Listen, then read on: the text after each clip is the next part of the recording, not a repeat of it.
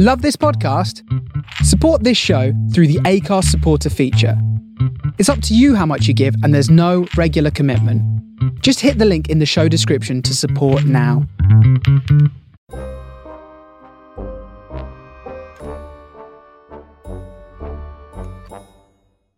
Hallo en welkom bij Reis door de Tijd, waar we het vandaag gaan hebben over de Griekse oppergod Zeus.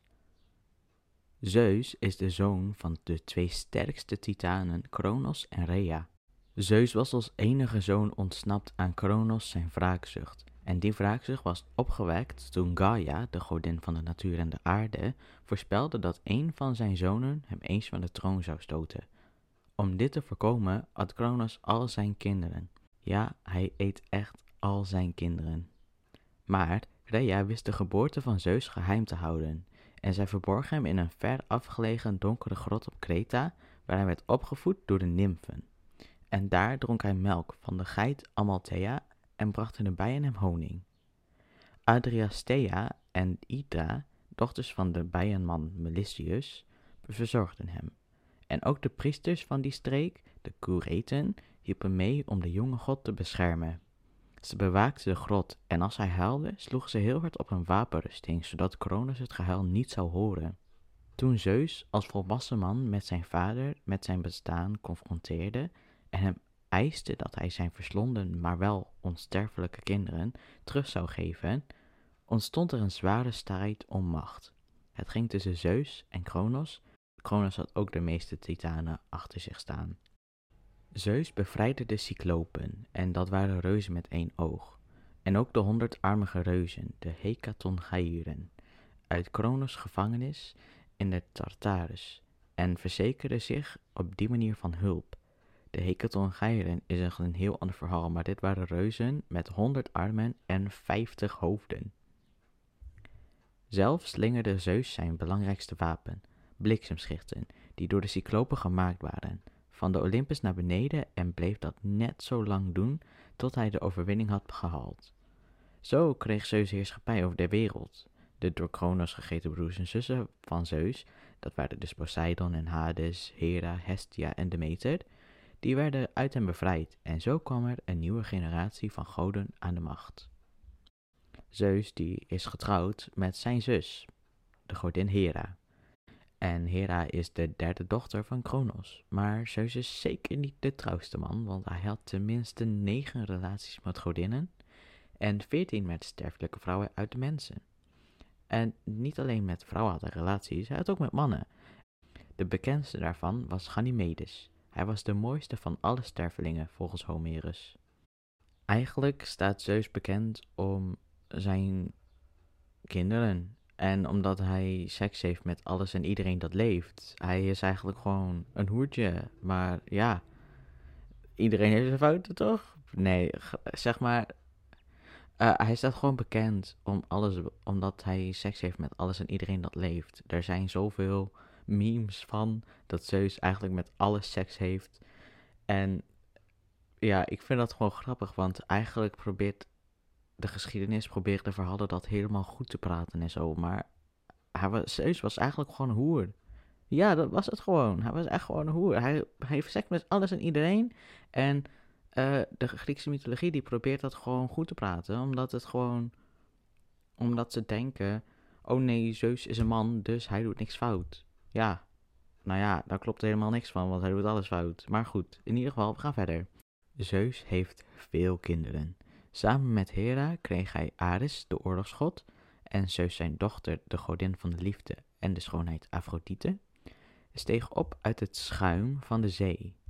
Uh, Hera die schonk hem Hephaistos, dat is de god van de smeedkunst, die de macht van het vuur wist te temmen. Bij Leto, een dochter van de titaan Koios, kreeg Zeus twee kinderen, Apollo, de god van welvaren en ordening, beschermer van de wet en van alles wat goed en schoon is in de natuur en bij de mensen, en Artemis, de beschermende en heilbrengende godin van de natuur. Zeus' zoon Herakles werd op aarde geboren, dit verhaal kan je horen bij een andere aflevering. Bij Leda verwekte hij de tweeling Castor en Pollux en hun zusje Helena, die een grote rol speelde in de Trojaanse oorlog, en ook de sterveling Tantalos, koning van Lydië, was waarschijnlijk een zoon van hem. Ook was er Pallas Athene, Zeus zijn lievelingsdochter, de godin van de wijsheid, want zij was nadat Zeus de godin Metis had opgegeten, uit zijn hoofd ontsproten. En zij was daarom een machtige en wijze leidster en een beschermvrouw van staten en steden in oorlog en vrede. Dionysus was ook een zoon van Zeus en Dionysus was geboren uit de heup van Zeus. Uh, Dionysus is de god van de wijn en ontspanning en bij de sterfelijke Danae verwekte hij Perseus. Dit deze werd later ook beroemd door zijn gevecht met Medusa, waarin hij haar onthoofde. En ook dit is een andere aflevering als je verhaal wil weten. De godin Iris was de boodschapper, door wie hij de communicatie tussen goden en mensen verliep. En Hermes was ook een boodschapper van goden. Hij escorteerde de geesten van gestorvenen naar Hades. Heel veel kinderen heeft hij dus. Echt een heel lijstje. En er zullen waarschijnlijk nog veel meer zijn, want Zeus, zoals ik eerder zei, Zeus had seks met alles en iedereen dat leefde. Dus een zoon of dochter van Zeus is niet heel bijzonder. Nadat veel van Zeus zijn kinderen waren geboren, ontstond er een tweede grote strijd, waarin bijna iedereen die hiervoor werd genoemd een grote rol speelde. Deze strijd ontstond omdat moeder Gaia van de aarde niet langer kon aanzien hoe een aantal van haar kinderen in de onderwereld gevangen werden gehouden.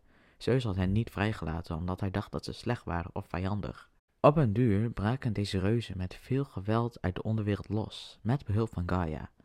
En zij trokken woest en opgetogen naar de bergen van Thessalië. Alle elementen werden geschud in dit gevecht, de hemel donderde en de aarde beefde, en iedere god nam op hun wijze aan de strijd deel.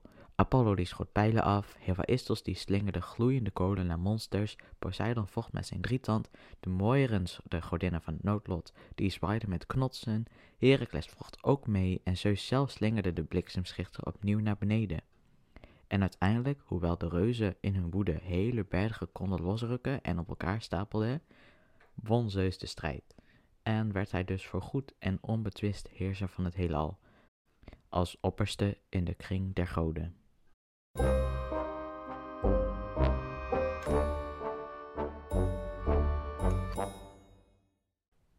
Dank je wel allemaal voor het luisteren. En dit was eigenlijk het verhaal van Zeus. Als je meer wilt weten over de Griekse mythologie, laat het mij vooral weten. Uh, via Instagram sta ik bekend als het Reis door de Tijd en de DM's staan altijd open. Ook kan je reviews achterlaten en deze podcast steunen via Acast. Bedankt en tot de volgende keer.